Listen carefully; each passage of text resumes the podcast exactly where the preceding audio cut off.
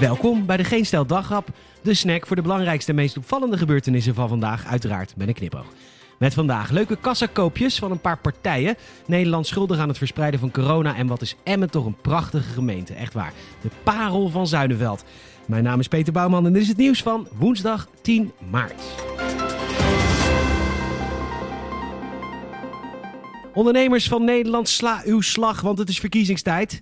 En dat betekent rennerprijsjes, kassakoopjes en op is op acties van de regeringspartijen. Nu.nl tekent op dat VVD, CDA, D66 en ChristenUnie het kabinet verzoeken de tegemoetkoming voor vaste lasten, de TVL, te verhogen naar 100%. Hoera, alweer een winnaar. Draai je maar met die spin, sla je slag, komt al een laatste kans. Ondernemers vragen dit natuurlijk al heel lang, terwijl het water vaak wel aan de lippen staat.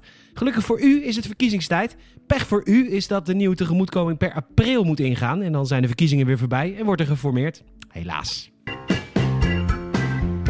Wat zijn we toch ook een vernuftig volkje, hè, wij Nederlanders.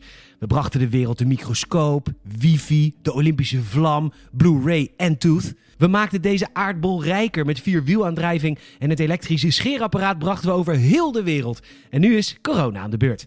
Een Limburg meldt dat Duitse inwoners van de grensregio voorrang willen met vaccinaties. De burgemeesters van Aken, Heinsberg, Viersem en Kleef roepen daarvoor op omdat wij het coronavirus naar Duitsland brengen. Hoewel er een negatief reisadvies geldt, is klein verkeer van minder dan 24 uur wel toegestaan in deelstaat Noord-Rijn-Westfalen. En dus hoesten, proesten en snotteren we die hele staat nu helemaal vol. Wat ons betreft is het prima dat jullie eerder gevaccineerd worden, maar mogen wij dan ook alsjeblieft voorrang bij vaccins tegen Duitse kerstmarkten, slagers en oktoberfesten? Hij komt er dan en ook echt snel ook, want dit weekend wordt bij twee testfestivals de Corona Check app getest. Dat meldt het AD. De 3000 bezoekers moeten zich van tevoren laten testen en bij de poort aantonen dat hij negatief was. Het werkt als volgt. Download de app, vraag testresultaten aan bij de instelling waar je hebt laten testen. En dan krijg je een certificatiecode doorgestuurd. En daarna krijg je een QR-code die bij de ingang wordt gescand. Groen scherm is goed, rood scherm is fout. Om te bewijzen dat jij het bent, worden je initialen en een deel van je geboortedatum meegezonden. Geen foto of bouwjaar dus. In beide gevallen, goddank. Later moet het mogelijk worden om via deze app te bewijzen dat je ingeënt bent. Kan niet misgaan, toch? Het was een ludiek idee van Judith Vaas van theatergezelschap Bonte Hond uit Almere. Jongeren toneel laten spelen als taakstraf.